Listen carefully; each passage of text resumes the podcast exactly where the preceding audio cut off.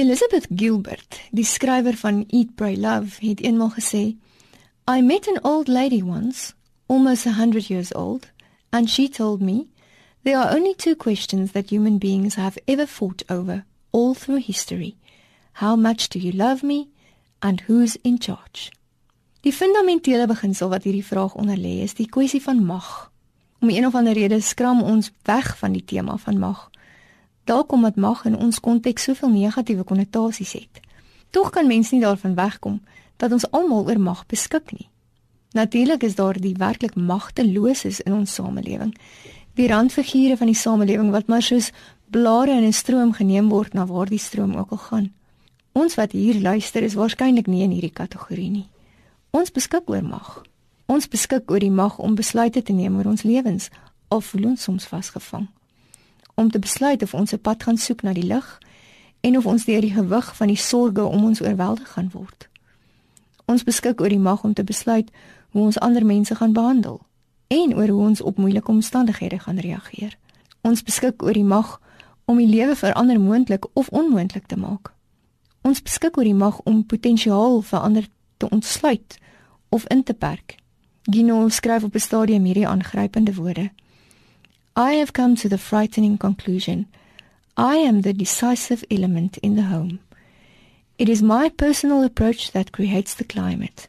It is my daily mood that makes the weather. As a parent, I possess tremendous power to make a child's life miserable or joyous. I can be a tool of torture or an instrument of inspiration. I can humiliate or humor, hurt or heal. In all situations, It is my response that decides whether a crisis will be escalated or de escalated, and a child humanized or dehumanized. Hierdie woorde is waar van ons elkeen in enige konteks.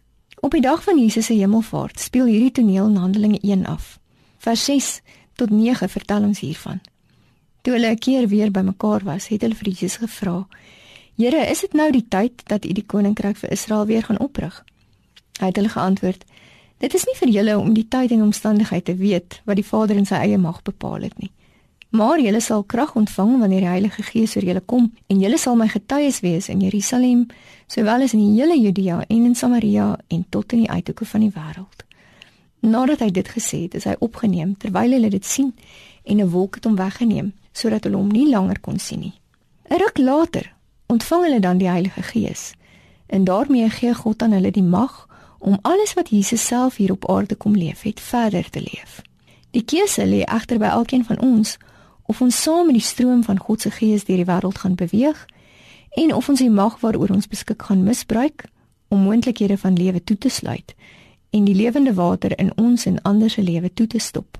Of soos Abraham Lincoln eenmaal gesê het, nearly all men can stand adversity, but if you want to test a man's character, give him power gaan ek en jy ons mag misbruik om lewe te onderdruk?